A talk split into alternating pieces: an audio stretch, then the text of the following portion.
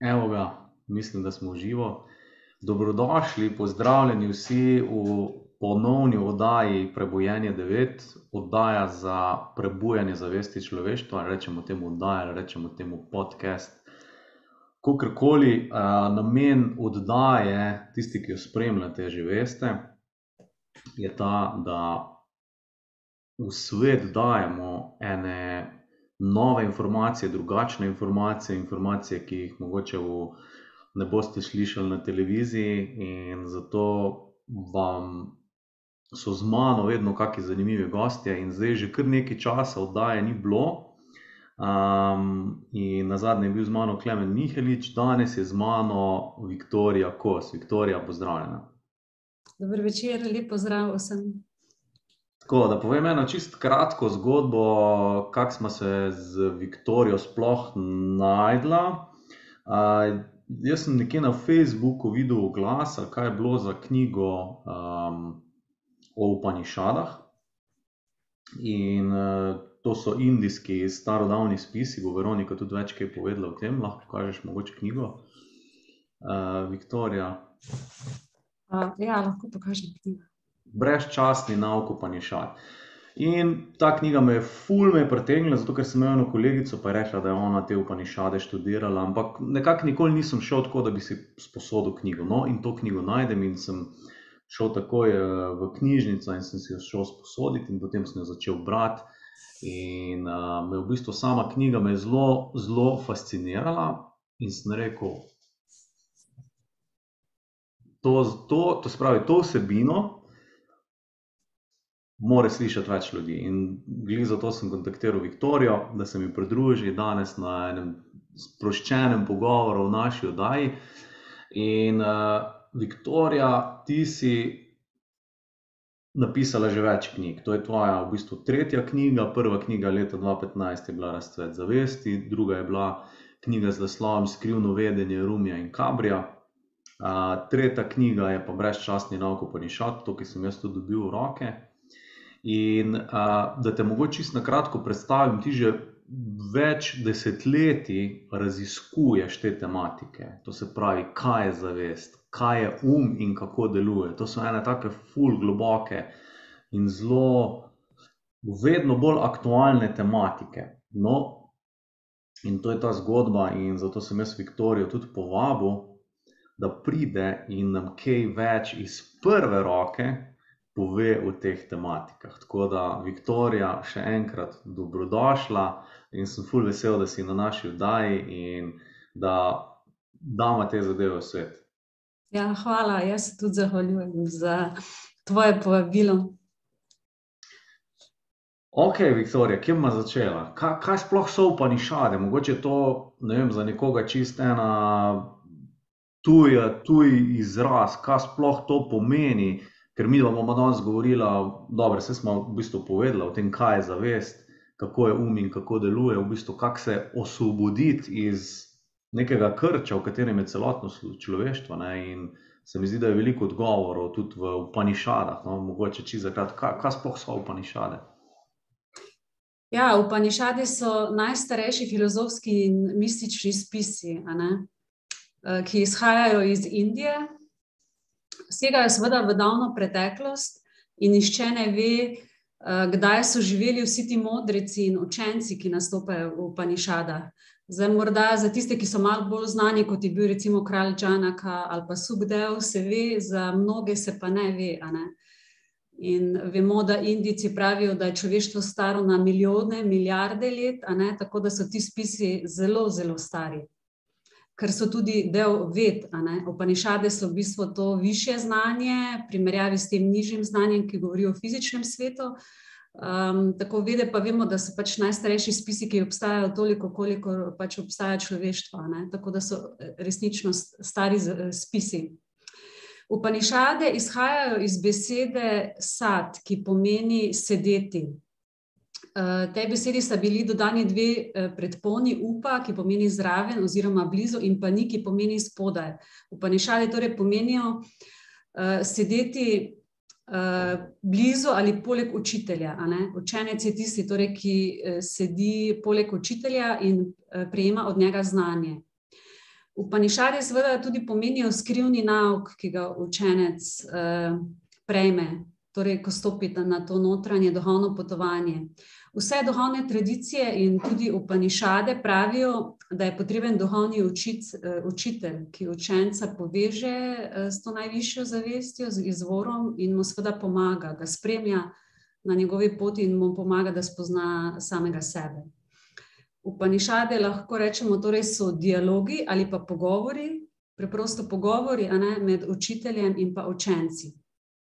Okej, če ti mogoče eno podvprašanje zastavim, Viktorija. Ja. Ti si rekla, pet tisoč let nazaj je bilo to zapisano, ne, ampak to se je prenašalo prej pa v ustni obliki, če prav razumem, ne, na, na desetine tisoč ali pa mogoče tudi na milijone let, ne. Ja, saj v bistvu vsi zapisi, ne samo Upanišadi, v končni fazi tudi Biblija in tako naprej, so se začeli zapisovati tam nekje dva tisoč pred našim štetjem, zdaj večina Upanišad je bilo do nekje šestega stoletja pred našim štetjem že zapisanih, a ne. bi pa povedala, da za razliko od te zahodne filozofije, ne, če govorimo, da so to, bom rekla, tudi filozofski spisi, je indijska filozofija način življenja in ne abstraktno, teoretično razpravljanje, kot je to zahodna psihologija, a ne. Se pravi, najprej je bilo življenje pa potem filozofija. Bom rekla, filozofija v osnovi, ne, je način življenja ali pa duhovni način življenja, če se bolj natančno izrazim. medtem ko na zahodu pa vemo, da filozofija ima tudi mogoče malo negativen prizvok, ker je šla preveč v to teoretiziranje ali pa filozofiranje, kot rečemo tudi, a ne. V Indiji, ki je dajala prednost svobodi, intelektualnemu dokazovanju in pa duhovni izkušnji, lahko vsak imel svoje prepričanje. Zato so v tej deželi živeli od skeptikov, racionalistov, materialistov, hedonistov, nevernikov in seveda predvsem je živelo veliko modrecev, ne, mistikov. Vse to je seveda odraz intelektualnosti in hrepenenja indijskega človeka, ki išče resnico in notranji red vseh stvari. Poskuša indijska misel opisati stvarnost, postavi v središče človeka. In tudi v Upanišadah, a ne, je središče v v središču človek, to se pravi to njegovo, bom rekla, bistvo ali pa duhovno počelo, ki mu pravimo tudi atman ali duša. Upanišadi torej pravijo, da je v človeku torej ta atman, duh, ki je srčika vsega, kar obstaja. In razlog, zakaj človek trpi, je v tem, da je pozabil na to, kdo je v resnici. Pozabil je na atmana, na svojo dušo, ki je eno s to najvišjo resničnostjo ali pa najvišjo zavestjo, brahmanom, kot imenujejo Upanišade. Upanišadi imenujejo torej to večno duhovno počelo, zavest v človeku, atman, najvišjo bom rekla, resničnost ali pa najvišja zavest pa brahman. To so zdaj pač samo druge besede, bom rekla, kot jih pač mi uporabljamo, in tudi ta beseda zavest, ki se danes je zelo popularna pa se pogosto uporablja, izhaja prav iz Upanišad, a ne. Ja, to se pravi Upanišadi vsebujejo resnično vedenje, ki je brezčasno, a ne, kot sem to jaz tudi že v naslovu povedala, in govorijo o tem, iz česa sestoji fizični svet. Bitja, ki v njem prebivajo, višji, subtilni svetovi in pa duhovni svet. Razlagajo, kako je bil ta svet ustvarjen, kako se ohranja in je uničen ob koncu časovnih ciklusov ter spet na novo nastaja. Govorijo o posamezni duši, Dživi, njenem popotovanju v različne svetove, njeni usodi, ječi, v kateri se je znašla, in poti, ki vodi v osvoboditev. To se pravi, Upanišadi dejansko nam pojasnijo, kakšen je odnos med materijo in pa med zavestjo ali duhom. Stvarstvom in njegovim izvorom, brahmanom. Razložijo nam lastnosti, naravo brahmana, torej ki je to absolutno počelo, ki niso, bom rekla, to znanje, ne, ni plod intelekta, ampak Upanišadi spadajo med besedila, ki jih imenujejo Indijci šruti, šruti ali čuti, kar je recimo tudi zelo podobna slovenska beseda, a ne. Uh, to se pravi, da ti nekaj slišiš, da poslušaš, oziroma da ti je bilo to razkrito, razodeto. V Panišadi ni napisal človek zdaj, v tem smislu samega vedenja, ampak je to pač to starodavno, večno znanje, uh, ki ga Indici imenujejo šruti, razodeto znanje, podobno kot vede. In v Panišadi pravijo, da je resničnost, ki opisujejo božji dih, ki oživlja, to se pravi, ki oživi Atmana. Um, ja, mogoče bi povedala še, uh, zakaj sem se odločila za ta prevod, ker uh, jaz sem seveda prevajala iz uh, angleščine, ampak sem se odločila za prevode, ki so jih prevajali Indici v angleščino, ne, ker uh, pač sanskrta ne znam. Uh, Sveda sem se spraševala, kako to, da do zdaj še ni nišče prevedel, ker nekaj v Sloveniji imamo ljudi, ki znajo sanskrt, kako da nišče še do zdaj ni prevedel. Upanišat, ki so res pomembni spisi, je škoda, da jih nimamo v slovenščini. In nekako se je to zgodilo, še sama ne vem, kako pač se je zgodilo, ne? da sem nekako se odločila. Uh, zakaj sem se pa odločila? Rekla bom tako, imela sem srečo, da sem prišla v stik z starodavno potjo, meditacijo, ki jo opisujejo tudi Upanišade. In sem tudi sedela v učiteljevih nogah v Ašramu, kjer sem preživela nekaj časa, in na tej poti sem že skoraj 20 let. In seveda to me je spodbudilo, da sem se potem odločila, da prevedem teh deset glavnih Upanišad in da bo to znanje tudi dostopno v slovenščini. Mhm. Ker upanišade res razkrivajo ta bogata duhovna izkustva, ne, o kateri govorijo modreci, eh, ne abstraktne filozofske razlage, zato tudi upanišade imenujejo resnica vseh resnic, ne, satya, sja, satyam. In znanje, ki nam ga posredujejo, nam resnično pomaga pri, to se pravi, prebujanju naše zavesti. Uh. -huh. Ok, zdaj pa mogoče naslednje vprašanje. Kdo smo mi, pa kaj sploh je zavest, pa kaj je ta atman? Kako zdaj v bistvu mi, recimo, jaz dosti delam z ljudmi ne? in ljudi imajo, ljudje imajo od nekih anksioznih stanj do nekih tesnob, do nekih depresij, sploh se ne morejo umiriti, ne more biti primer uh, kar tako skozi so zaposleni. Skratka, čist nekako odtujeni od sebe, od svojega telesa, sploh ne vejo, kdaj je telo treba, da počiva, nič ne. Tako veliko ljudi srečujem ne, in imajo razno razne težave, zdaj pa. Če se lahko mogoče navežemo na te težave, oziroma bomo rekli na stanje družbe, ki je dan danes, pa na tem, kdo sploh smo, pa kaj je sploh zdaj ta atman, pa kako do njega prideti, oziroma tako, kako spoznati samega sebe. No? Um, ja. Uh, jaz tudi mislim, da kar veliko ljudi danes išče, še predvsem v uh, Sloveniji. Nekako je veliko zanimanja za to, bom rekla, notranji razvoj, za duhovni razvoj. In um, pač, kolikor sem imela tudi predavanje, a ne zdaj, trenutno jih pač nimam zaradi te situacije, um, oziroma nekaj časa jih nisem imela. Uh, ja, vidim, da uh, ljudje imajo zelo velike težave z umom, in tega je vse več, v bistvu vse večje težave imamo. In ljudje iščejo, mogoče niso vsi iskalci resnice, če tako rečemo, ampak iščejo ljudje tudi, uh, bom rekla, neko metodo, uh, tehniko, s katero bi umirili um. Ker recimo, jaz sem na enem predavanju se spomnim, prišla ena uh, študentka k meni na koncu in je rekla, jaz po noči ne, uh, zvečer ne morem zaspati, ker mi um tako deluje. In to je bilo, mislim, da pred desetimi leti. Jaz, ko sem slišala, jaz, jaz sem bila šokirana, uh, ko sem slišala to. Uh, ker enostavno uh, bom rekla, da vse vemo, kako um deluje, in tako naprej. Ampak zdaj, če imaš meditacijo, seveda je drugače. Ampak nisem si predstavljala, ena, da ena tako mlada oseba, recimo, ne, ima uh, take težave. Uh, tako da, ja, danes so, bom rekla, dosti ekstremni časi, kar se tega tiče. Mogoče je to razlog tudi, da več ljudi išče.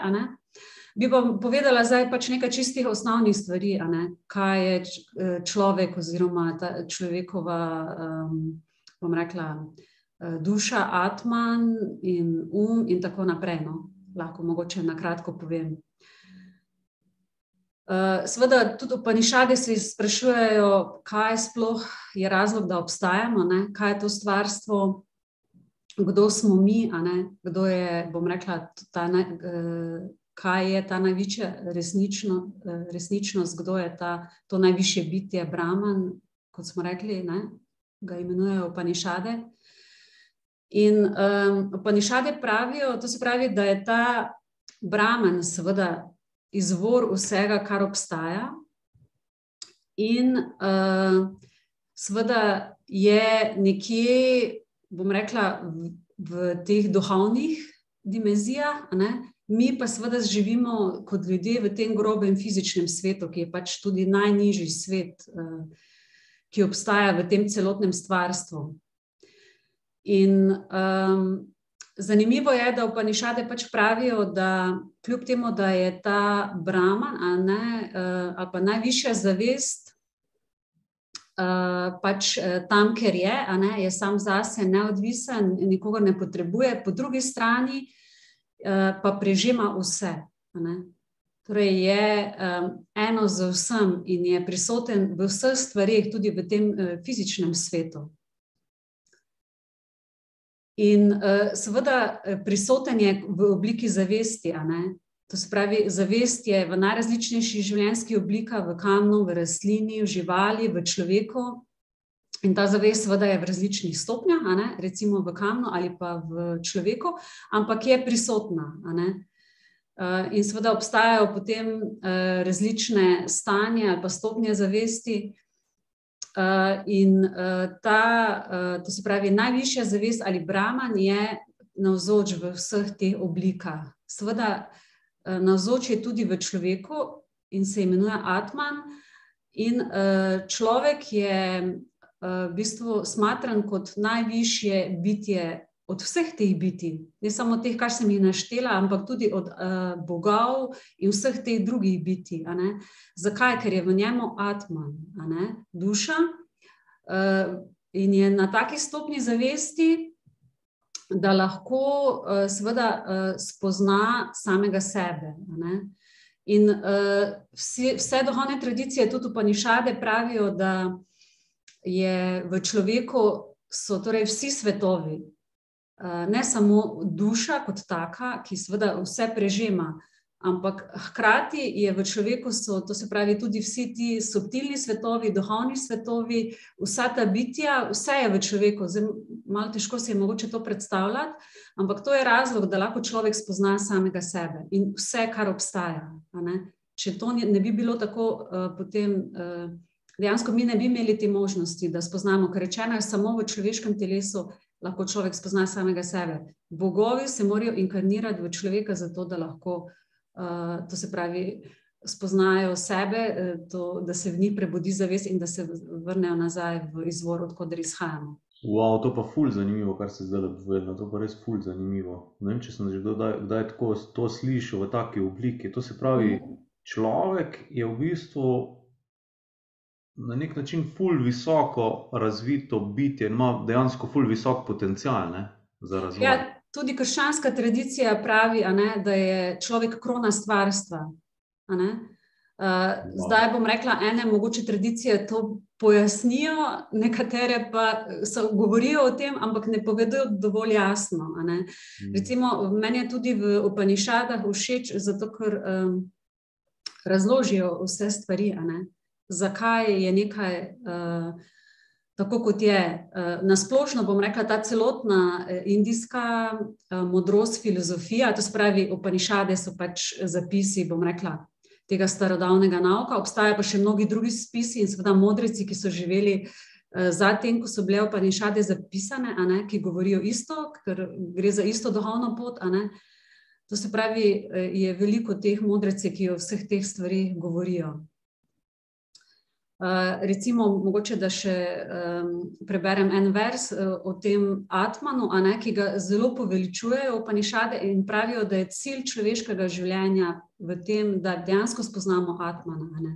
To najviše uh, duhovno počelo v človeku. Recimo Kata Upanišada, ki je tudi ena najbolj znanih Upanišad, pravi: Atman, ki je manjši od najmanjšega, večji od največjega, je navzoč v srcu vsakega bitja. Kdor se je osvobodil želja, čigar čuti in um so očiščeni, zagleda si očega Atmana in se osvobodi žalosti. Človeko je torej to nerojeno, nesmrtno bitje, ne, ki ni intelekt, eh, niti ni telo, eh, ki so torej te zunanje, eh, fizične oblike človeka. Um, seveda, je še vedno fizična entiteta, če tako rečem. Zdaj na zahodu se veliko meša um, zavest, ki sta pa dve popolnoma različni stvari. In uh, Indici pravijo, da je um fizična stvar, um ni nekaj duhovnega, ne? ker nima v sebi ne svetlobe, ne duha, ne zavesti. Um je podobno kot telo, je samo orodje, ki nam pomaga, da živimo v tem svetu, da lahko razmišljamo, presojamo, delujemo, se odločamo in tako naprej. Je seveda veliko bolj subtilen kot naše fizično telo, ampak je še zmeraj uh, fizičen. Šele atman, duša, je pa tista, ki pa je duhovna, ki je čisti duh, čista zavest, uh, ki je, bom rekel, del, oziroma ki je naša prava narava. Mhm. In to čudovito, skrito, nenavadno bitje, a ne atman, um, je torej v uh, človeku, In uh, seveda uh, v tej prvi kata Upanišadi, ki je, jaz sem jo dala na prvo mesto v knjigi, je pač eh, razloženo, da je Atman nerojen, da se ne more umazati, ne, da je neuničljiv. Uh, uh, to se pravi, uh, ne more ga niti oge, niti kakršna koli druga fizična stvar, a ne ga ne more uh, uničiti. In uh, razlagajo tudi opanišade, da ima. Um, Da človek pozna štiri stanja zavesti. Mogoče še za to omenim. Uh, eno je pač budno stanje, to je to običajno stanje, uh, ki mu pravimo budno stanje. Uh, in uh, je budno v smislu tega fizičnega sveta, ne pa v smislu duhovnega sveta. Um, In tukaj gre seveda za izkustvo teh grobih fizičnih stvari. Potem uh, drugo stanje uh, je stanje sanj, to je izkustvo finih, subtilnih stvari. To se pravi, v sanjah mi gledamo to, kar je v umu, vse te vtise, vse to, kar smo nakopičili čez dan, eh, in pa tudi iz prejšnjih življenj. Vse te uh, fine, uh, subtilne stvari lahko gledamo v sanjah. Potem tretje stanje je stanje globokega spanca. To je takrat, ko um, človek dejansko ne sanja, ampak resnično spi in tudi takrat se najbolj odpočije. In recimo v Brihada Ranjaka v Panišadi, ta modrec Jagnevalkija razlaga, da je to stanje globokega spanca, ki je zelo, bom rekla, prijetno, ker človek takrat nič ne sanja, nič se v umu ne dogaja, um tudi počiva je najbolj podobno uh, našemu naravnemu stanju ali pa stanju uh, Atmana, ne? stanju prebojenja ali pa stanju blaženosti, radosti. Ker je mhm. človek takrat najbolj, najbližje temu stanju radosti, ne? kar je zanimivo. Mhm. No, in potem je pa četrto stanje, je pa stanje zavesti, torej stanje čiste zavesti, to je pa tisto pravo zavedanje, ne budno stanje, ampak pravo zavedanje, ko je človek prebojen kot duša, kot duhovno bitje, torej kot uh, zavestno bitje. In seveda, ko človek doseže to stanje, potem tudi um, spozna Brahmana, oziroma postane eno z Brahmanom, kar je v resnici Atman, je recimo uh, eno z Brahmanom. To se pravi, Atman ima popolnoma iste lastnosti, je popolnoma iste narave kot je Brahman. To mogoče je res opanišade, mislim, da v teh eh, drugih duhovnih tradicijah, ki sem jih proučevala, seveda govorijo, da je velika podobnost, ampak opanišade govorijo, da je. Govorijo o popolni identičnosti Atmana in Brahmana. To se pravi, ta večna duhovna počela v človeku, Atman, je popolnoma isti kot Brahman, ta najvišja zavesta, pa najvišje bitje, najvišja resničnost, kakorkoli zdaj, ali pa Bog v končni fazi, ne, kakorkoli za to um, resničnost imenujemo. To se pravi, gre za popolno enakost, popolno enako naravo uh, Atmana in Brahmana, ne, in to vedno znova podarjajo v Panišavi. Ok, bi imel pa dve vprašanje tukaj, če dovoliš, Viktorija. Ko si rekla četrti nivo, um, bi rekel, stanje zavesti, ne? ko si uh -huh. popolnoma prebojen. Ja. To pomeni, da si prebojen tudi vem, takrat, ko imaš oči odprte, da si, bi rekel, v budnem stanju, pa si hkrati prebojen. Bi, bi, bi lahko tako rekel, ali, ali samo takrat, recimo, ko meditiraš? Eh, ne, stanje popolne zavesti je to, se pravi, ko eh, bom rekla, se človekova duša, seveda, najprej je to je proces, ne, da se človeška duša preboji, prebudi, ne, je, tudi, eh, je potrebna inicijacija. In potem, seveda, človek postaja vse bolj, bom rekla, zavesten, duša postaja vse močnejša, vse bolj prihaja do izraza, ali pa atman. In seveda, um pa potem postaja vse šipkejši v tem slabem smislu. To se pravi, vse te, uh, bom rekla, nižje lastnosti uma, ne, kot so recimo žalost, pohleb, strah, poželenje, vse navezanosti, želje in tako naprej, vse to, kar nas obremenjuje, ne, kar nam povzroča trpljenje in bolečino, vse to se nekako um, postaja šipkejše.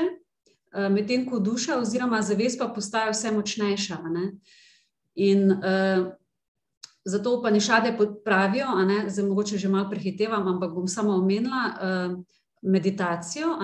Ta uh, skrivni nauk, oziroma ta skrivna pot je meditacija. Na, bom kasneje razložila, kakšna vrsta meditacije. In uh, za to meditacijo, seveda, uh, se mi uh, osvobajamo, oziroma čistimo vse te vtise v umu, to se pravi, vse te neprijetnih misli, čustev in tako naprej. In Eh, naša zavest vse bolj prihaja do izraza. Eh, to se pravi, postajamo vse bolj zavestna bitja, vse bolj si pridobivamo vedenje. In zdaj to stanje, eh, kot smo rekla, čiste zavesti ali četrto stanje, je pa stanje, ko je človek popolnoma očistil svoj um, vseh teh vtisov iz preteklosti, iz tega in preteklih življenj. Ali pa če drugače povem, ko se je osvobodil vseh posledic svojih preteklih dejanj ali karme, ne, ko je um popolnoma čist, takrat v bistvu um dobi svoje pravo mesto in pa tudi duša oziroma naša zavest dobi svoje pravo mesto in takrat je človek prebojen, kot pravimo. To se pravi, eh, živi kot duhovno bitje, je čista zavest, postane čisti duh in ničesar več ga ne ovira. In on ima popolni uvid, vedenje vse, vse te materialne svetove, v, uh, duhovne svetove, takrat dejansko mu je dostopno vse, nič mu več ni prikrito in nič ni neznanega več za njim. Ja, ker mi imamo tako velikrat, ne, tako imamo negativno, pa imamo pozitivno. Ne, in sigurno moramo biti pozitivni. Biti pozitivni. Če prav razumem, je pa v tem stanju zavesti, si ti izven pozitivnega, pa negativnega, izven levo, pa desno. To se pravi, nekako presežeš vse to. Ja, seveda, zaradi tega, ker telo in um živita v svetu dvojnosti. To, to so fizični svetovi. Vsi fizični svetovi poznajo eh, dvojnost, kot smo rekli, svetloba, tema, um, potem življenje, smrt, ljubezen, sovraštvo, uh, moški, ženska, karkoli. Pač vse to je svet dvojnosti. Ampak svet dvojnosti obstaja na ravni uma. Ko pa mi presežemo um, ko smo, ko smo očistili um, ko ga presežemo, takrat pa obstaja eno, zato se danes govori o enosti. Recimo, pa tudi ti duhovni spisi govorijo o enosti. Prej sem omenila, da mi, kot duhovna bitja, smo eno s tem najvišjim bitjem, najvišjo zavestjo. Mi smo eno, takrat, ko presežemo um, do, spravi, to, do tega nivoja uma, je dvojnost. In vse čas je v bistvu ta, so, je ta trg, je ta napetost, eh, so konflikti, zaradi tega, ker obstaja dvojnost. Uh mhm. -huh. Ko pa mi presežemo to dvojnost, Eh, to pa je v bistvu, bom rekla, ta duhovni svet, zavest. Eh, takrat pa obstaja samo eno, zato je tam je eh, blaženost, radost.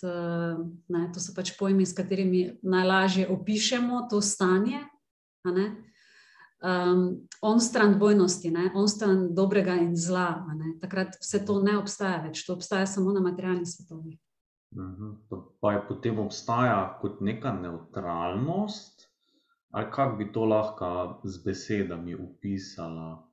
Ja, se pravi, ne, ni neutralno, zaradi tega, ker zdaj, če rečemo eh, to, kar govorijo mistiki, ne, ti, ki so, um, imajo to notranje duhovno izkustvo, a ne govorijo o neizmerni uh, radosti, o neizmerni blaženosti. Ne, uh, ki jo doživijo v meditaciji. To se pravi, to je to stanje, ki ga lahko živimo v meditaciji. Bom rekla, seveda, tej govorim zdaj o tej meditaciji, uh mhm. -huh. ki, o kateri govorijo Panišade in tudi drugi spisi. Uh mhm. -huh. In um, to se pravi, to je stanje brezmejne sreče, brezmejnega veselja. Mi si tega ne moremo predstavljati. To je v bistvu uh, vsi ti užitki, največji užitek, ki ga lahko. Um, Doživimo v tem svetu, ni nič proti temu stanju. To, spravi, to ni neko neutralno stanje, ampak je to uh, stanje brezmejnega užitka, brezmejne radosti, brezmejne ljubezni, brezmejne sreče, če poskušam z mhm. besedami opisati. Mhm. Pa je to stanje, ki mu rečejo oni samadi, ali je to še stanje, ki pač presega tudi samadi? Ja? Obstajajo različne vrste samadija. Zdaj imamo v jogi, imamo različne samadije in tako naprej. To se pravi, samadije, tako kot lahko rečemo, to so neka stanja zavesti. So različni nivoji samadija, Zdaj, odvisno kako kdo poimenuje ta izraz, več izhaja iz eh, eh, prakse joge. Upanišade mogoče omenijo, se, misli, ampak na, načeloma ne govorijo o tem. Tako da tu, to se pravi, to so različna stanja zavesti, različni samadji na različnih nivojih. To, kar pa ti govoriš, je pa tisti ultimativni samadji. Ja, to, kar smo zdaj povedali, to četrto stanje, ne, ja. je pa tisto najviše stanje, ki ga lahko dosežemo, in to je naše naravno stanje. In to je stanje, bom rekla, te največjega miru, največje blaženosti, največje sreče. Zato mi vsi potem repenimo in dokler ne bomo, bom rekla, nekako. Uh, dosegli tega stanja, bomo nesrečni, bomo vse čas iskali in bomo vse čas krepenili po tem, uh mhm. -huh. ker je to naša resnična narava. Uh. -huh. Ok, pa bi se mogoče vrnil še na to povezavo, ki v bistvu tukaj si ti tudi končala. Povezava Atman-Brahman. Ti si rekel, da v bistvu to je, če sem jaz prav razumel, ena in ista stvar, oziroma kvalitativno je enaka. Uh mhm. -huh. A je, to, a je to tudi mogoče postavljeno v sporednico z krščanskim pojmovanjem? Je enako, recimo v krščanskem pojmovanju, duša pa Bog, da sta kvalitativno enaka, ali se tukaj vzpostavlja neka, bi rekel, ločenost oziroma pa spet pod vprašanje, kdaj smo mi povezani z Atmanom, pa kdaj nismo tudi. Ne? Ker uh mhm. -huh. smo povezani z Atmanom, če prav razumem, smo povezani tudi z Brahmanom. Ja. Uh, ja, sigurno to, kar si omenil, to se pravi ta paralela med uh, dušo in Bogom. Zdaj, če pogledamo judovsko-krščansko tradicijo, je, uh, bom rekla, na mestu. Ker jaz sem tudi, ko sem iskala, ne, ko smo se pogovarjali z različnimi prevajalci, um, tudi ti, ki poznajo sanskrt, pa to indijsko tradicijo, in to in smo prišli do zaključka, da je najboljše uporabiti besedo duša. Jaz sem pač v razlagi, a ne sem povedala atman duša, to spravi, da razložim te pojme. To se pravi, besedi atman je najbližja v slovenščini beseda duša. In duša je zelo lepa beseda, in tudi vsi razumemo, kaj pomeni. Zdaj, Bog je pa pač pomeni dobesedno najvišje bitje. To se pravi, za kakorkoli zdaj imenujemo, najvišje bitje, najvišja resničnost. Um, to se pravi, je to, uh, bom rekla, prava uh, formulacija. Je pa mogoče res, da bom rekla, zdaj govorimo o teh res duhovnih tradicijah, pa svetih spisih, ki uporabljajo te izraze, lahko pa da nekdo uporablja ta izraz čisto v nekem drugem pomenu. Ne? Ampak načeloma, bom rekla, vse te resne uh, duhovne tradicije, ne, ki uporabljajo. Um, pač te pojme, uh, je Atman, duša, ne, je, ali pa Bog, Brahman, ne, vsebinsko je enako, ne, ker uh, ne samo krščanska, judovsko-krščanska, tudi muslimanska tradicija ali pa. Potem pač različne te uh, indijske tradicije, oziroma ta duhovna, mistična tradicija, ne, vsi govorijo enako. Um, Drugo podvprašanje pa je bilo glede Atmana. Uh, ja, ta, to se pravi, ti si rekla, okay, Aha, kdaj imamo stik z Atmanom? Ti si rekla, ja. kak je fajn, ko smo mi povezani z njim. Ne? Ja, zdaj je tako. Ne, kaj, pa, kaj pa, ko smo ločeni, ali smo, ali, ali smo, ali smo sploh lahko ločeni, oziroma vem, se zgubimo v tem našem umu, ali kako bi rekel. No, mogoče čist bi rekli, ja. kaj pa zdaj drug ekstrem, ko mogoče je mogoče blizu stanju, v katerem smo danes. Pa, ja, um, Spravi, mi zdaj trenutno ne, živimo na ravni uma, na, na ravni uma in telesa. Uh, in uh, pač to stanje, v katerem smo, lahko rečemo, je neko nenaravno, bolezensko stanje, ne, ker um nam povzroča ogromno, bom rekla, težav, znemirjanja, nas jezi, nas je strah, uh, polno je nekih teh, uh, bom rekla, neprijetnih uh, doživetij, občutkov, čustev in tako naprej. To je stanje uma. Medtem ko ti vzgibi, ki prihajajo od duše, od atmana, so pa zelo redki pri, bom rekla, uh, to se pravi, človeku.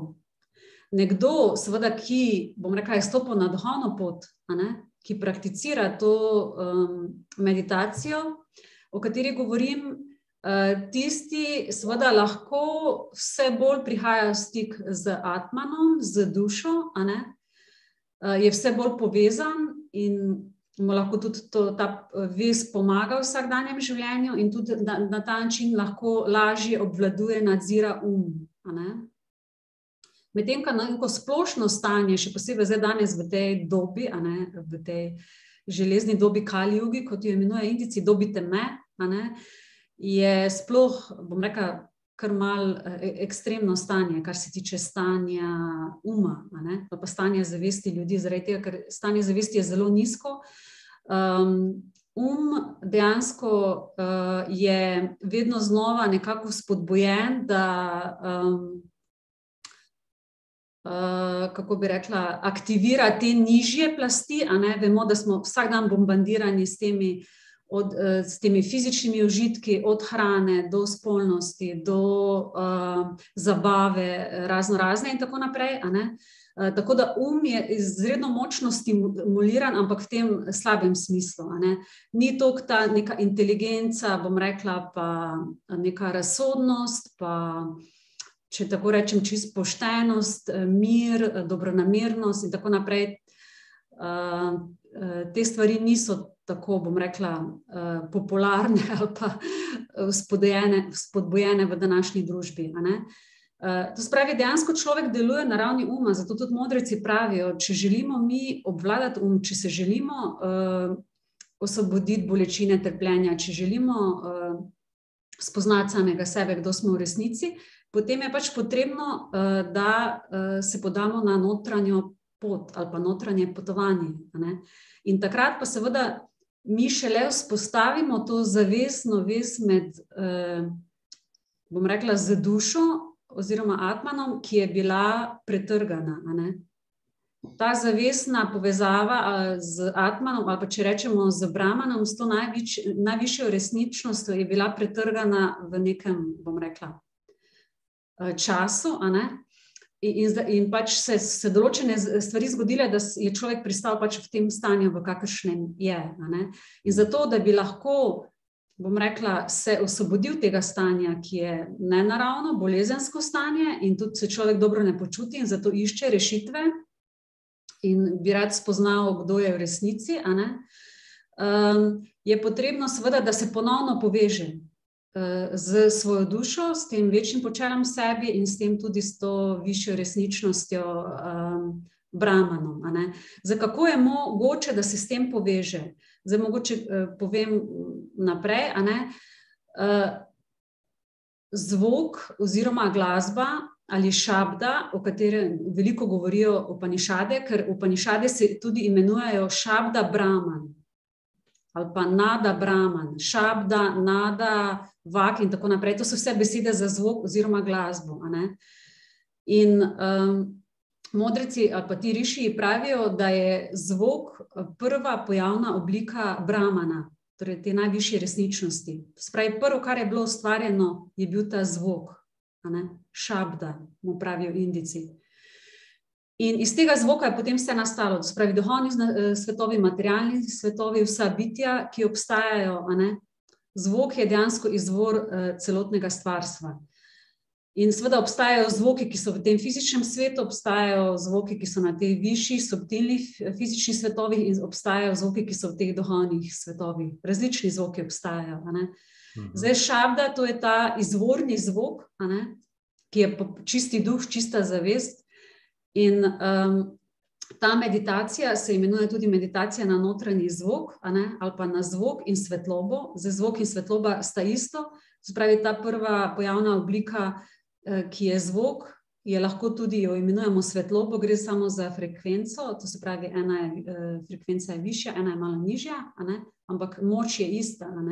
To sta svetloba in zvok, je izvor eh, tega stvarstva. In ko mi pridemo v stik z tem zvokom, ne, ko sem prej omenila, se pravi, se, da lahko začnemo meditirati, eh, če želimo spoznati samega sebe, potem je potrebno, da pridemo v stik s tem zvokom. S to, ta vest mora biti ponovno spostavljena, ki je bila pretrgana, kot sem povedala. In takrat dejansko mi lahko, to se pravi, očistimo um in si pridobivamo to pravo vedenje.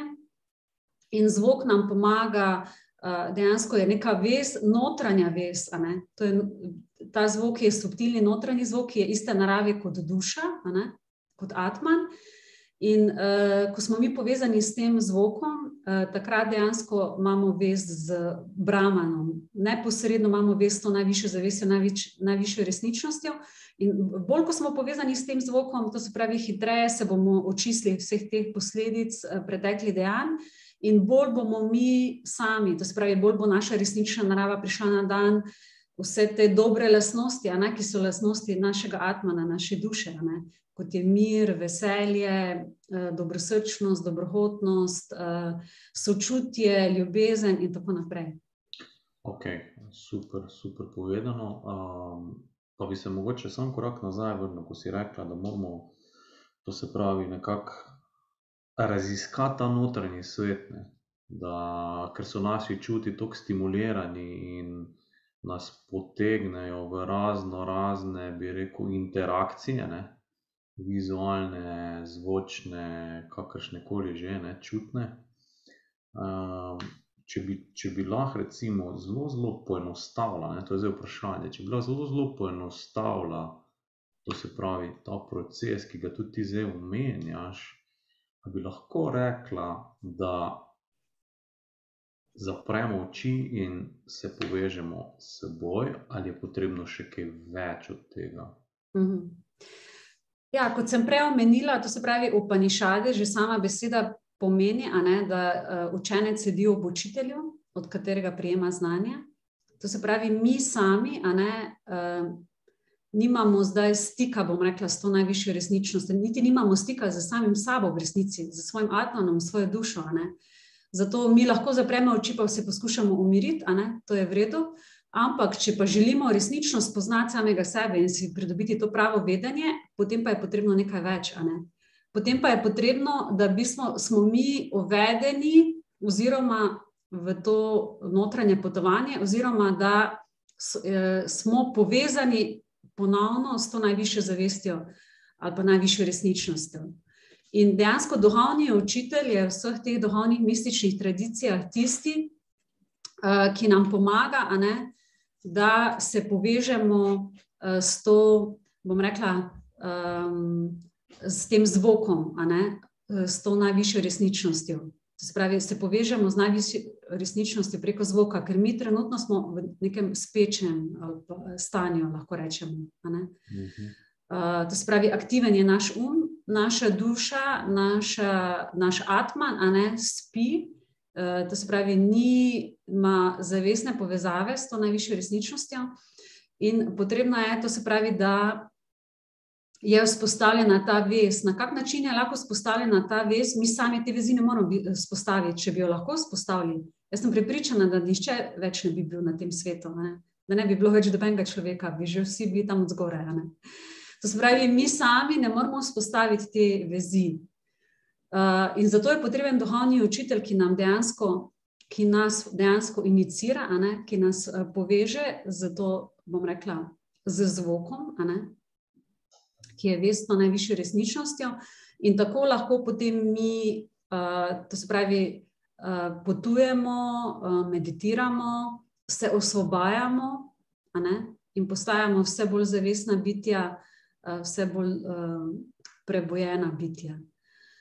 Uh, seveda, zdaj, kar se tiče, bom rekla, uh, duhovnega učitelja, danes, seveda, je, bom rekla, tudi so tu neke, bom rekla, negativne ravni ali pa neke zlorabe. In danes vemo, je zelo veliko razno raznih učiteljev.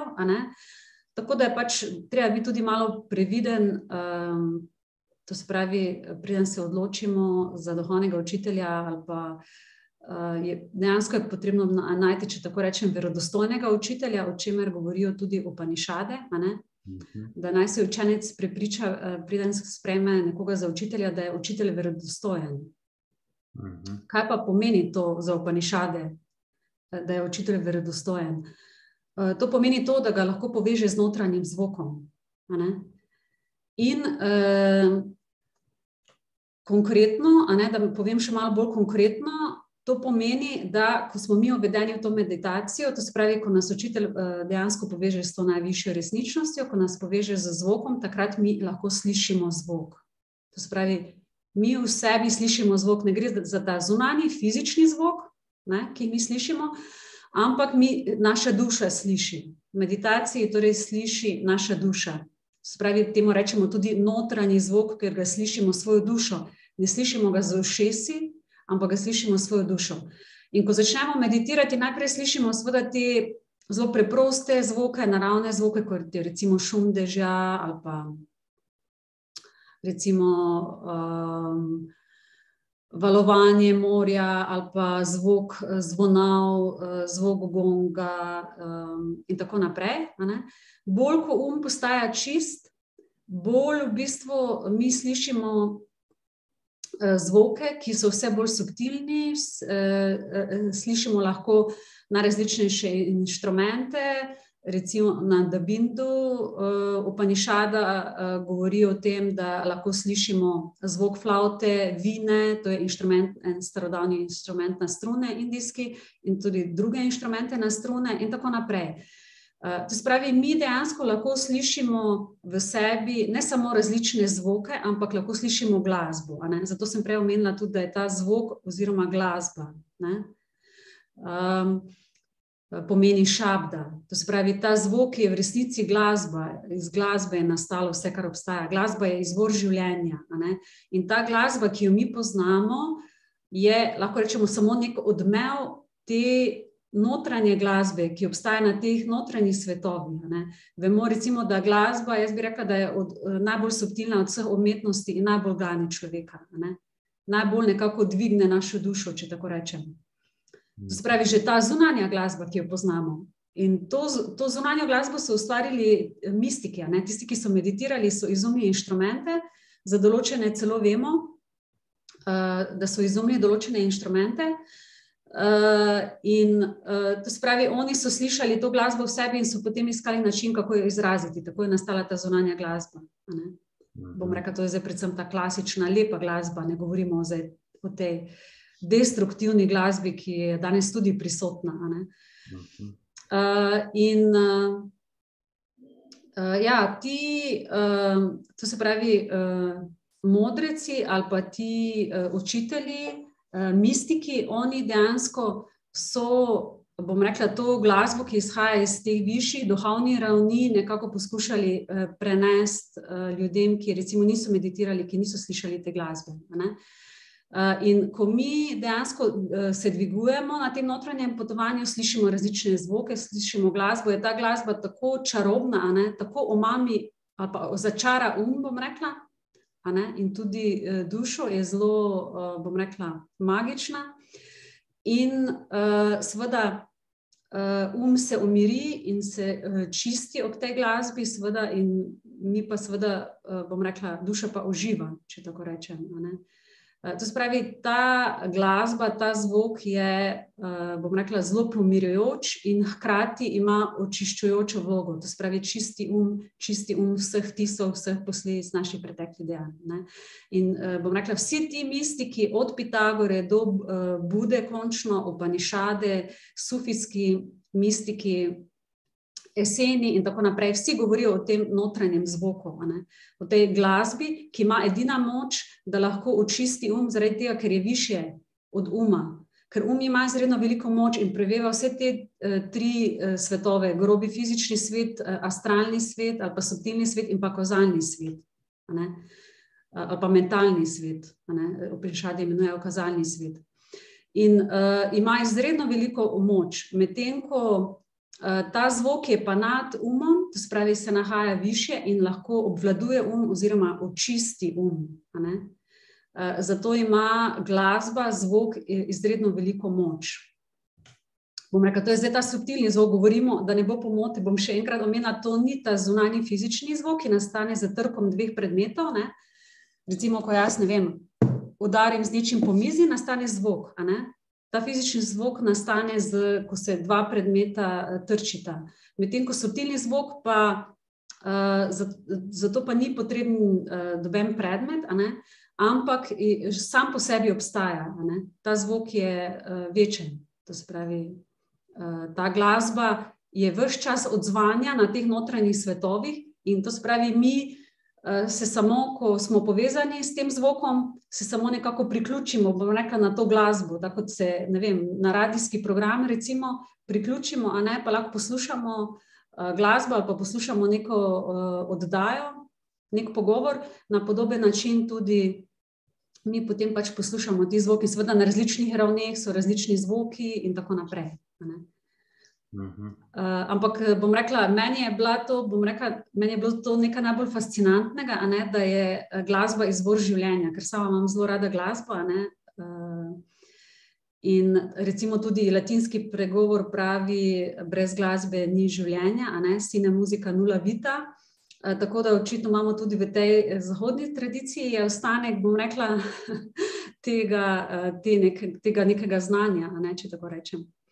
Okay. Uh, Zanimivo pa je eno vprašanje. Uh, je nu, to se pravi, ti govori zdaj. To se pravi, če sem prav razumel, najprej se duša poveže s tem zvokom, ne? potem pa ta zvok dejansko ti kaj fizično ga, ga slišiš, oziroma ne, ne bom rekel fizično, si rekla, slišiš? da so to razne melodije. Ne? Okay. Ja, se pravi, ta zvok, podobno recimo, ko prižgeš vem, CD, radio, pa poslušaš uh, glasbo. Ne? Uh, to se pravi, kot ti, to je zdaj posebna metoda, uh -huh. uh, meditacije. In ko meditiraš, takrat ti slišiš uh, ta zvok. Uh -huh. uh, in potem, ko uh, dejansko, bom rekla, ta zvok postaje, postane močnejši z prakso, postane zvok močnejši, postaje vse bolj subtilen. In ko se um dovolj očisti, sčasoma ti slišiš ta zvok, tudi ko ne meditiraš, ker zvok je vse čas prisoten. Je, zvok je vse posod. Ampak, ker nismo mi povezani z njim, ga ne slišimo. Potem, ko smo pa povezani z njim, mi lahko vse čas slišimo ta notranji zvok. Uh -huh. Pa so lahko tudi, ali je nujno zvok, ali so lahko tudi v obliki kakih informacij, ki jih ti dobiš, ali bi rekel, nekih idej. Ker recimo, ne vem, Nikola Tesla, ne, pa, pa mogoče Da Vinci in ostali. Ne, uh, pa tudi Einstein ne, naj bi nekako tudi skozi neke metode, tehnike, meditacije, nekako prišli do teh informacij, ali je to nujno med seboj povezano ali ne. Tukaj so zdaj različne ravni. Zdaj, ko govorimo o tem notranjem zvoku, o šabdu, uh mhm. -huh. Eh, ki je v bistvu čist eh, duhovne narave, seveda eh, zvok je hkrati, ko smo mi te, s tem zvokom povezani, dejansko si, eh, bom rekla, pridobivamo vedenje. Spravi, to je zdaj vse identično. To spravi ta zvok, eh, ta najvišja zavest, pa Atman, kot posamezna zavest, resnično vedenje, to je v bistvu vse na isti ravni. In s tem, ko mi slišimo ta zvok, vse bolj si pridobivamo tudi notranje vedenje, zato ker mi ne, ne slišimo samo v tej meditaciji, ampak tudi vidimo. Spravi, lahko vidimo najrazličnejše stvari. To je meditacija na svetlobo in na zvok. Ampak gre za notranjo, subtilno svetlobo in subtilni zvok. To spravi, mi lahko tudi vidimo na različne vrste svetlobe. Vidimo lahko sonce, mesec in uh, notranje svetove, vse, kar obstaja.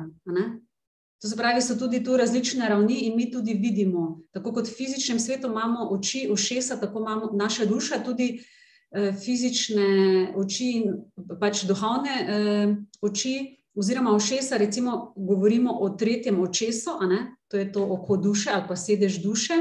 Uh -huh. uh, obstaja pa tudi tretje uho. Celo obstaja ena knjiga, ki jo je napisal sicer en glasbenik, uh, zahodni glasbenik. Uh, to se pravi, mi lahko slišimo tudi uh, subtilni zvok, ne? ne samo da vidimo subtilne stvari z tretjim očesom. Uh, ja. Ok, pa bi se mogoče vrnil na um nazaj, čisto eno vprašanje, ko mi je šlo. A bi lahko rekla, da je um vsota naših misli, ali gre za nekako širše pojem, kako bi ga ponišade pojmovali? Ja, seveda, um ima več eh, različnih ravni. Um, en nivo, v bistvu, bom rekla, so ti vtisi, ki so v umu, uh, vsi ti shranjeni vtisi, uh, ki To se pravi, vse, kar mi vidimo, slišimo, kar uh, dojemamo, uh, vse to se shrani v naš um. Vse to je shranjeno v našem umu. To se pravi, to je ta spomin, če tako rečemo, ali pa vsi ti vtisi, uh, ki uh, so shranjeni v našem umu. Um, in seveda, to so tudi vse misli, vse čustva, in tako naprej. Uh, potem je del. Um, našega uma je, uh, bom rekla, intelekt. To se pravi, intelekt ima sposobnost razmišljanja, presojanja, odločanja. Uh, to se pravi, ve, kaj je za njega dobro, kaj za njega ni dobro, in tako naprej, vsaj do neke mere. Intuicija, recimo, je tudi del uma. Uh, nekateri sicer pravijo, da je intuicija nekaj duhovnega, uh, in tako naprej, ampak ne.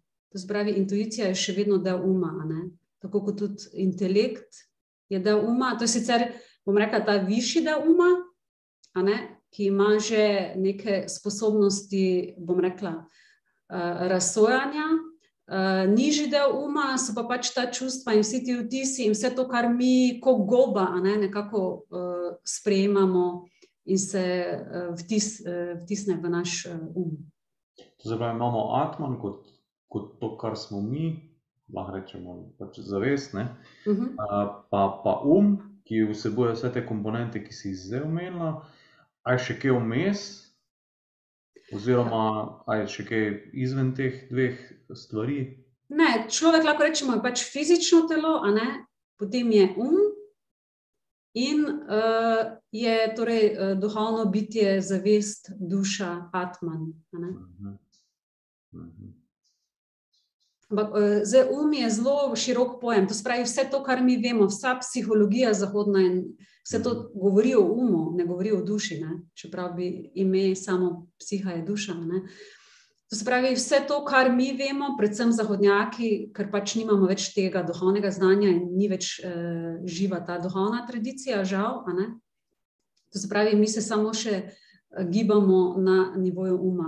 In vse to, kar je, tudi vse te subtilne stvari, pa danes je mnogo različnih subtilnih tehnik, to je vse še na ravni uma. Uh mhm. -huh. Dobro je, da, da to vemo. Razumem. Ja. To se pravi. Uh naučiti se moramo nekako um izklopiti, bi lahko rekla. Uh, ja, ampak to ni tako enostavno. Uh, dejansko ja. mi lahko, zdaj pač ti modreci pravijo, da lahko uh, um obvladamo ali pa ga ustavimo, zdaj, če tako rečemo, ne? samo uh, ko smo povezani z zvokom, ko smo povezani s to uh, višjo zavestjo samo ona ima to moč, da lahko naš um obvlada, ga utiša. Uh, sicer pa um vse čas deluje, non-stop, 24 ur na dan, tudi takrat, ko spimo, v bistvu sanjamo, večino časa jih tako sanjamo, spravi um deluje non-stop. In to, kar mi vidimo dan danes, razne anksioznosti, strahovi, ko ljudje ne morejo zaspati, ko jim misli tako delujejo, uh, je v bistvu kot en podivjan avto, ki ima skozi gas na polno ne? in se sam, sam vozi in dela v bistvu. Ja, to, to, je, To je pa rezultat, bi jaz rekla, pač tega, ker smo dejansko zanemarili to duhovno resničnost, ta duhovni del samega sebe. Uh, in zaradi tega, seveda, zdaj um, tako kot praviš, postaja blazen, pod, uh, divja. To se pravi, ker takrat, ko je človek ima vez z samim sabo in z to globjo naravo, je tudi um normalno deluje. V mejah normale rečemo, da Dobro, um je itak vse čas kot opica, ki skače z ene veje na drugo, ampak nekako ga lahko relativno lahko shajamo z njim. Ga lahko recimo bolj ali manj nekako obvladujemo, zdaj govorimo o tem vsakdanjem pomenu besede. E, to se pravi, vse te razne bolezni, razna ta, bom rekla, depresivna stanja, uh, strahovi, vse to, eno je to, da je pač to že postala neka ideologija in da to uh, se vse inštitucije in vsi mediji to promovirajo. In da vse posod, eh, kamorkoli človek se obrne, dejansko je bombardiran s tem. Uh, ampak to je dejansko ni prišlo, ni padlo z neba. To je posledica našega vedenja, naših dejanj uh, in uh, posledica tega, da zahodna družba dejansko je, uh, bom rekla, nekako se odrezala od te duhovne, mistične dimenzije, ki več ni prisotna, sicer je religija še prisotna, ampak tudi ta, bom rekla, vse bolj zgublja to eh, resnično, duhovno dimenzijo. Uh, tako da uh, zahodni človek, uh, ne samo da je nevrotičen, kot je mogoče Jung govoril, ampak je pravzaprav lahko rečemo na neke, neke vrste boleha za schizofrenijo, če tako rečem, zdaj simbolično gledano. Uh, ker je dejansko uh, v, v sebi popolnoma razklan, ker je popolnoma zanikal ta duhovni, zavestni del in dejansko živi še samo na nivoju uh, fizisa in na nivoju uma. Sam še lepi po teh, bom rekla, fizičnih uh, užitkih, uh, pa teh malo bolj subtilnih užitkih, ampak ki so vsi, bom rekla, vezani spet na samo na, na ta negativna čustva, negativne misli, samo destruktivnost in tako naprej. Uh, zato je zelo pomembno, ker pač živimo zdaj na koncu te kaljuge, da dejansko uh, ne jemljemo več tako, kot je bilo mogoče včasih, ko je ta znani svet bil bolj pozitiven. Pa, uh, um, dejansko je tudi pomagal človeku, zdaj pa je vse manj dobrohoten uh, in dejansko vse manj pomaga človeku. Prav nasprotno se dogaja, da poskuša človeku uh, vedno bolj škoditi in ga ovirati in ga dobesedno uničiti. Bom rekla. Uh, pač take, bom rekla, sile trenutno uh, so prisotne in uh, vladajo v tem svetu.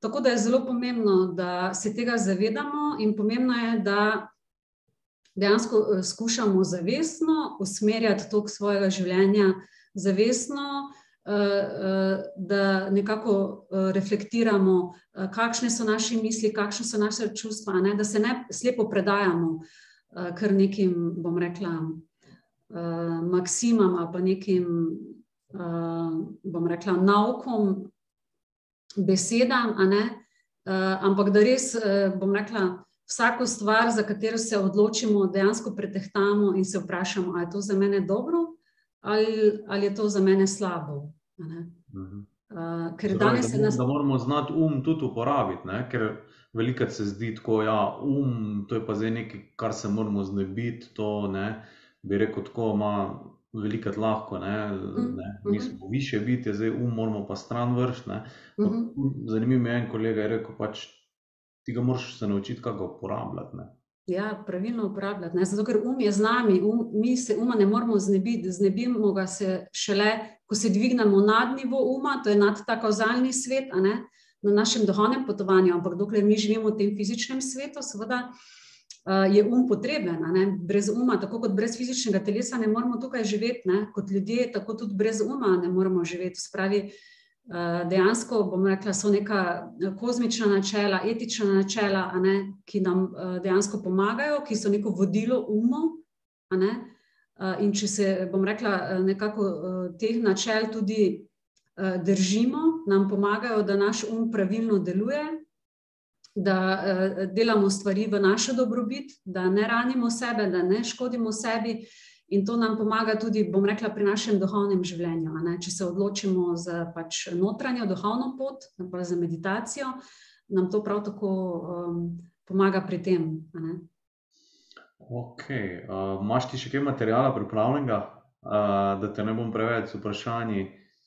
Uh, ja, ne vem, mogoče najboljše, da me še vprašaš, kaj bi bilo tisto, kar bi bilo zanimivo. Ja, uh, če pa ja. ne, pa lahko mogoče tudi sama razmišljam.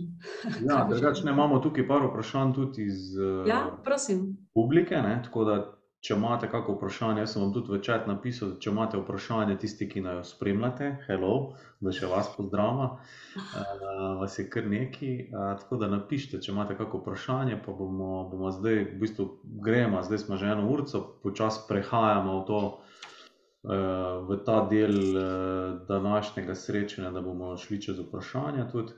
Uh, bi imel pa še eno vprašanje, če upam, da se ga zdaj spomnim, da nisem pozabil. Ja, To se pravi, imamo osebo, ki imamo enega tipičnega človeka, dan danes. Um, aha, pa še to sem hotel, ja, kar mi je ful vedno zanimivo, ne, ko pravijo, eh, da 90 ali pa 95 odstotkov vseh bolezni izvira iz stresa. Ne. Stres je pa v bistvu tisti strah. In če smo rekli, strah je pač podivjan um, je v bistvu to ena taka povezava, zanimiva. Ne. Um, ja, uh, bom rekla, sigurno je um, bom rekla, izvor vsega. To se pravi, izvor uh, našega zdravja, našega fizičnega počutja, našega, končni fazi, tudi tega mentalnega počutja. Uh, in uh, um, torej uh, dejansko, uh, če tako rečem, določa ali pa definira, uh, od, kakšno bo naše zdravje, zdaj um v tem smislu naših posledic, naših preteklih dejanj, ne? Naše karme. Ker v umu je shranjeno vse. In zdaj mogoče.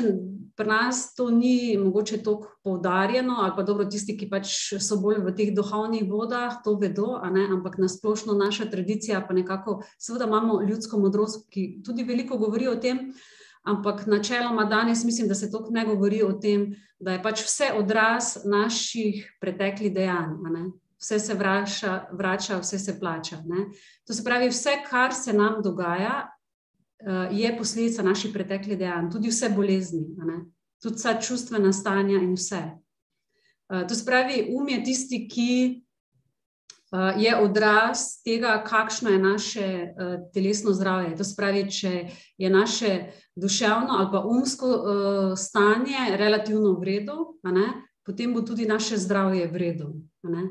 Če, ko pa se pojavi, recimo, kot si omenil, strah, ne, velik strah, jaz sem tudi zdravnika vprašala, ne, zaradi te epidemije in tako naprej, uh, koliko uh, dejansko vpliva na strah na to, da ti uh, dejansko lahko zboliš, ali pa kot pravimo, da ti zmanjša imunski sistem. In je on rekel, mnogo več kot polovico. Jaz sem to vprašala ajurvedskega, indijskega zdravnika. Uh -huh. uh, to se pravi, in dejansko strah, celo eni pravijo, tam do 90 odstotkov. Uh, lahko strah vpliva na to, da dejansko ti zboliš, ne? samo strah. Um, Sveda bom rekla, tukaj so zdaj nekaj, uh, eno je to, pač, da um, vse te bolezni in stanja izhajajo iz našega uh, uma, iz naših preteklih dejanj, drugo pa je, da seveda izhajajo stvari iz tega zunanjega sveta. To spravi, vse te vtise, ki jih mi prejmemo vsakodnevno iz zunanjega sveta, ne, tudi vplivajo uh, na nas. In zdaj, recimo, če um, mi vse čas, uh, bom rekla, poslušamo nekaj, kar nam vse čas uh, vzbuja strah, uh, to pomeni, da bomo uh, pač v nekem uh, stanju, ki ni naravno, ki ni normalno, in to stanje bo pač uh, imelo posledice. To pomeni, seveda, da se bomo slabo počutili, da um, zelo čustveno, hkrati bo se lahko to, če smo dalj časa v takem stanju, tudi poznalo na našem fizičnem zdravju. -hmm. Tako da, recimo, jaz bi rekla, tisti, ki vas to zanima, berite Martina Kojca. On je čudovito in bom rekla, on je bil eden izmed uh, prvih evropejcev, ki je v začetku stoletja, prejšnjega stoletja, pisal o teh stanjih in ki je rekel, materija ne obstaja. Um uh, je tisti, ki obstaja. To se pravi, vse izhaja dejansko iz uma. On zelo dobro piše o tem. sploh zdaj, če gledamo to, kar se dogaja ne, te, na področju zdravja. Recimo, on ima zelo dobre primere in govori o tem, kako so delali razno razne eksperimente in so ugotovili, da zunanji uh, fizični svet, pa naj bo človek podvržen še ne vem kako ekstremnim pogojem, kot so veliki mraz in tako naprej, ne povzroča uh, bolezni. Ampak dejansko bolezen izhaja iz človekove notranjosti, spravi bolezen izhaja iz uma. Uh, ja, še enkrat, še to bi hotel, uh, da mogoče poveš. To se pravi, um pa misli, ker dan danes veliko slišimo o moči misli. Uh -huh. uh, bi lahko rekli, da mislim, se lahko to enači? Uh, misli so del uma. Uh -huh. To se pravi, uh, kaj, v bistvu, uh, uh, kako nastanejo misli, če tako rečem. Zdaj, misli izhajajo iz vtisov, ki so v našem umu, se pravi iz naših preteklih dejanj, in hkrati uh, izhajajo iz teh vtisov, ki jih mi prejemamo iz zunanjega uh, sveta. Iz dveh virov izhajajo iz misli, spravi iz notranjega, iz samega uma in pa iz zunanjega sveta. Mhm. Okay. To, v bistvu, to se pravi, to povzroča naše misli. Misli so del uma, torej so eh, fizične narave, subtilne narave, to se pravi iz subtilne fizične narave, ampak še vedno so fizične narave, so del uma. Nimajo dobene veze z uh, Atmanom oziroma z našo dušo, ampak so del uma. Kje pa potem pride ta občutek, recimo kot je občutek vem, fizični, tesnobnosti, strahu in tako naprej? Ja, vse to izhaja iz uma, podobno kot misli. To spravi, lahko so to neka uh, stanja, čustva, ki smo jih mi doživeli v preteklosti, v tem življenju ali pa v preteklih življenjih, in sedaj prihajajo v našo zavest, in mi pač to čutimo. Uh, lahko pa ob neki sliki ali pa ob nekem človeku, ob neki besedi, ne, uh, bom rekla, uh, pač doživimo kakršno koli čustvo. Mhm in to povzroča to, pač povzroči to čustvo nas, ki ga mi eh, trenutno čutimo oziroma doživljamo. To se pravi, ta povezava telo-um je zelo, tako zelo prepletena in zelo ja. močna, in se lahko v eno ali v drugo smer nekako prepleta. Ne? Ja, zaradi tega, ker eh, vse to, recimo, kakšno telo mi imamo, vse to je odraz na, posledic naših preteklih dejanj, ne, ki so shranjene v umu.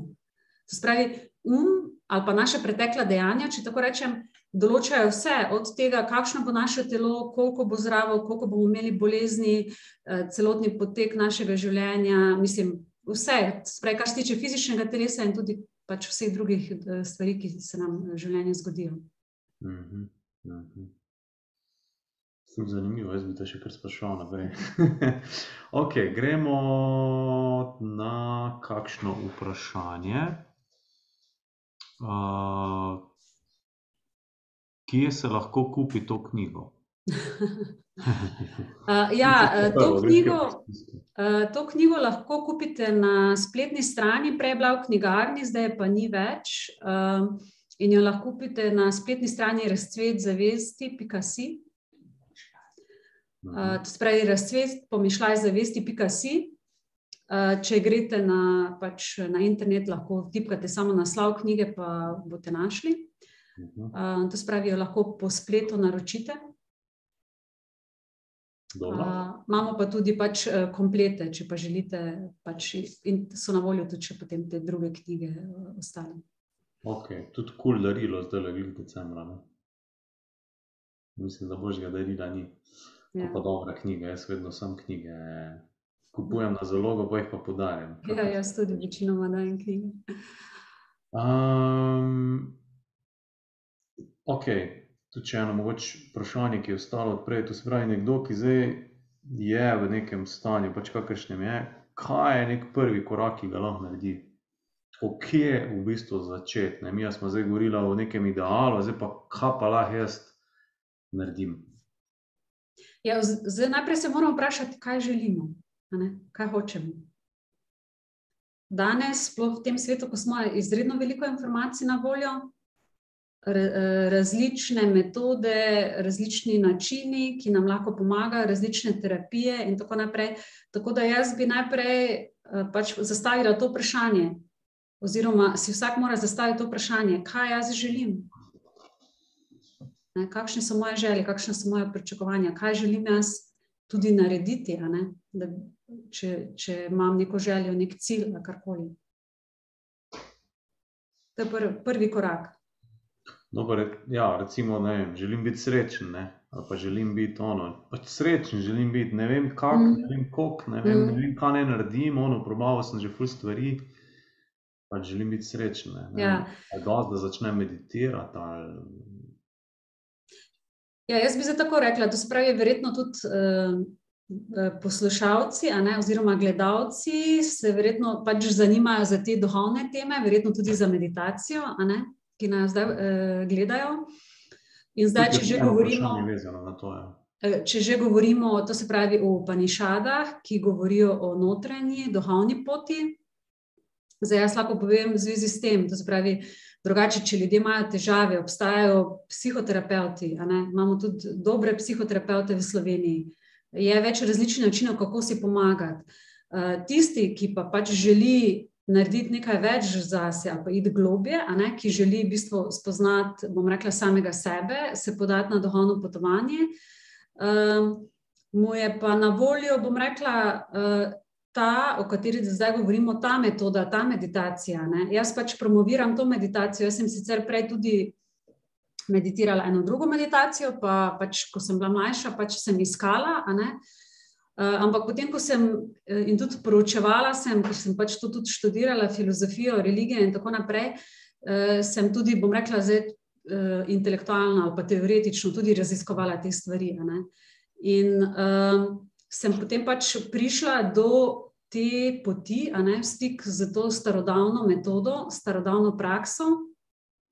In, nekako sem rekla: "To je to, a ne, kar sem jaz iskala."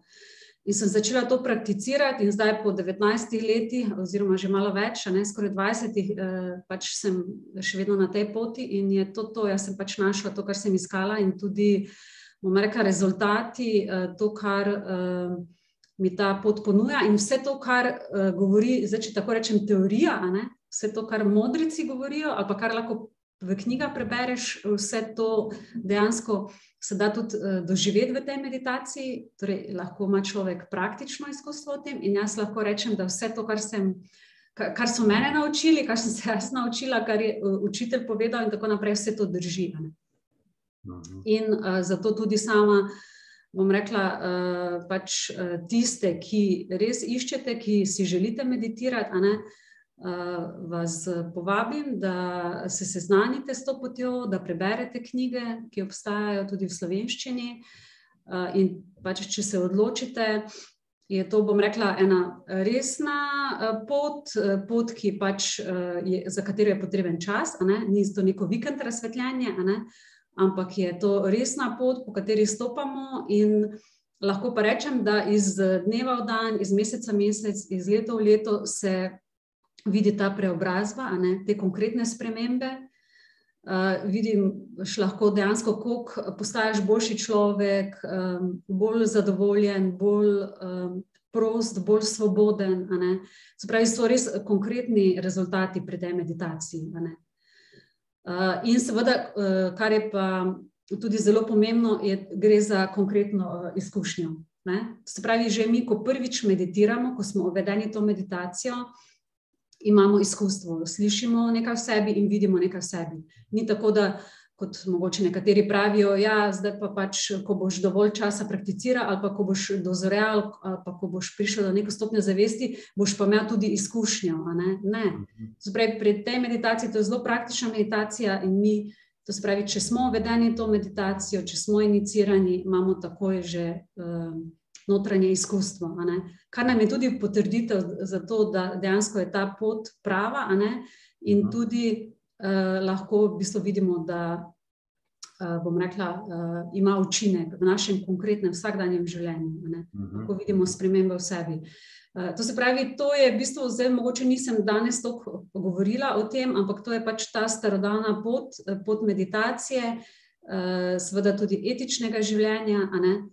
Um, pač potrebno je, da si prizadevamo najprej biti dobri ljudje, še posebej se mi zdi na zahodu, zdaj bom rekla v Aziji, pa druge je to uh, malo drugače, tam je še več uh, te, uh, kako bi rekla, človeškosti. Pa, teh se bolj so še v stiku s temi kozmičnimi, univerzalnimi načeli, mi na Zahodu smo pač izašli, a ne smo res, bom rekla, zelo samodestruktivni. Uh, in zato mogoče se mi moramo toliko bolj potruditi za, to, uh, za neke take zelo uh, banalne ali pa naravne stvari, kot so, da smo um, bom rekla, prijazni do drugih, da nismo želivi, da se ne jezimo na druge, da jih ne krivimo, um, da smo preprosto človeški, če tako rečem, ljubeznivi, da smo ljudje. uh, tako da to je zelo pomembno. Uh, drugo pa je pač to, da si prizadevamo za duhovni razvoj, to se pravi, da se vse bolj osvobajamo vseh teh um, negativnih čustev, um, misli in tako naprej. In da postaja, in s tem tudi, bom rekla, že samodejno, ne, se v nas prebuja mir, um, sočutje, ljubezen, radost. To, kar si prej rekel, ne. želimo biti srečni, želimo biti radostni, zato ker je to naša prava narava in je prav tako. Ampak, eh, seveda, pa obstaja tudi pot.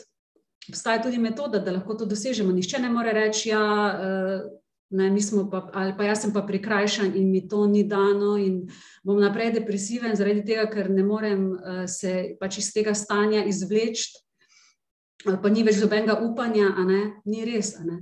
Obstaja pot, uh, to se pravi, uh, jaz lahko potrdim, da je tudi danes možno ne, prakticirati to, o čemer je zapisano v Panišadah, kar govorijo modreci in ta nauk je zapisan tam je tako aktualen, kot je bil uh, tisoč, stoletja, tisočletja ali še več. Uh, bom rekla, prisoten je tudi danes, prisoten je tudi danes aktualen in bo zmeraj.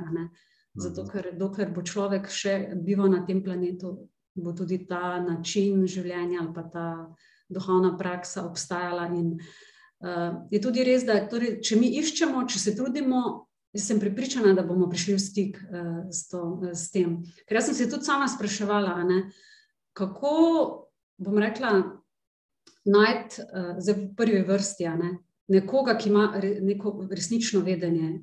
Jaz sem imela ta občutek, da na Zahodu dejansko, ker je tako uh, zmaterializiran, ne, uh, in na nek način je postal temačen, v duhovnem smislu govorim, da tu na Zahodu je dejansko zelo težko najti učitelja. Ne? Zato sem nekako imela občutek, da, na, da pač učitelj biva na vzhodu. Uh, in sem tudi zato pač, um, potovala, tudi sem bila nekajkrat v Indiji in tako naprej. Ne? In sem pač imela tudi to srečo, da sem lahko osebno srečala učitelje, ki danes uh, učijo meditacijo na notranji svetlobo in zvok. Uh, Um, in pač lahko povem, da je ta pot dostopna tudi v Sloveniji. Imamo kar nekaj meditacijskih skupin, ne, je kar nekaj ljudi, ki to prakticirajo v različnih mestih po celi Sloveniji. Tako da um, je to živa stvar. In ste vsi lepo vabljeni, ki vas pač to zanima. Lahko me tudi kontaktirate po e-mailu, um, pač na spletni strani je tudi moj kontakt. Um, zdaj, mislim, da telefonska številka ni napisana. Um, ampak vam tudi lahko dam, lahko tudi se uh, pač, uh, slišimo, kasneje po telefonu in tako naprej. V glavnem uh, sem na voljo. Um, Skratka, tistega, ki zanima, naj kontaktira tebe in to je to. Uh, ja, lahko. Uh, to spravi, ena stvar je to, da pač lahko preberete Upanišade in te knjige, tudi v ostalih knjigah, je ta ista duhovna praksa. Rumi, recimo, ki je danes tudi zelo popularen, eden največjih perzijskih mislecev. Rumi govori enako, ko govorijo o Upanišade pač določene mhm. druge besede so, ampak v osnovi gre za isti nauk. Kabir, recimo, ki je eden največjih indijskih mislecev oziroma modrecev, in je tudi sem prevedla nekaj njegovih zgodb in verzov, on govori prav tako uh, o isti duhovni praksi in tako naprej.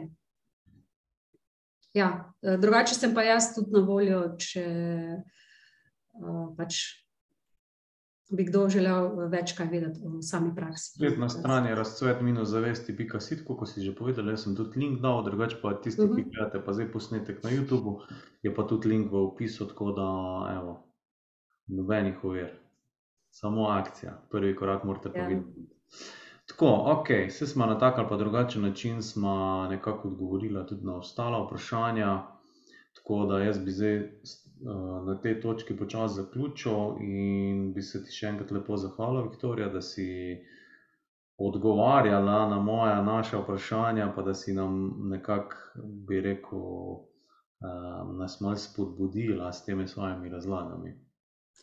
Uh, ja, jaz bi se tudi zahvalila Nejc še enkrat za povabilo in za lep pogovor. Upam, da so tudi uh, gledalci uh, uživali in da so prejeli nekaj informacij, da bo jim lažje v življenju in da bodo lažje tudi uh, izbrali svojo pot, um, predvsem svojo duhovno pot.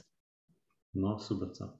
Uh, Viktorija, ti lahko ostaneš online, jaz se bom pa tukaj poslovil na YouTubu, bomo končali z live streamom.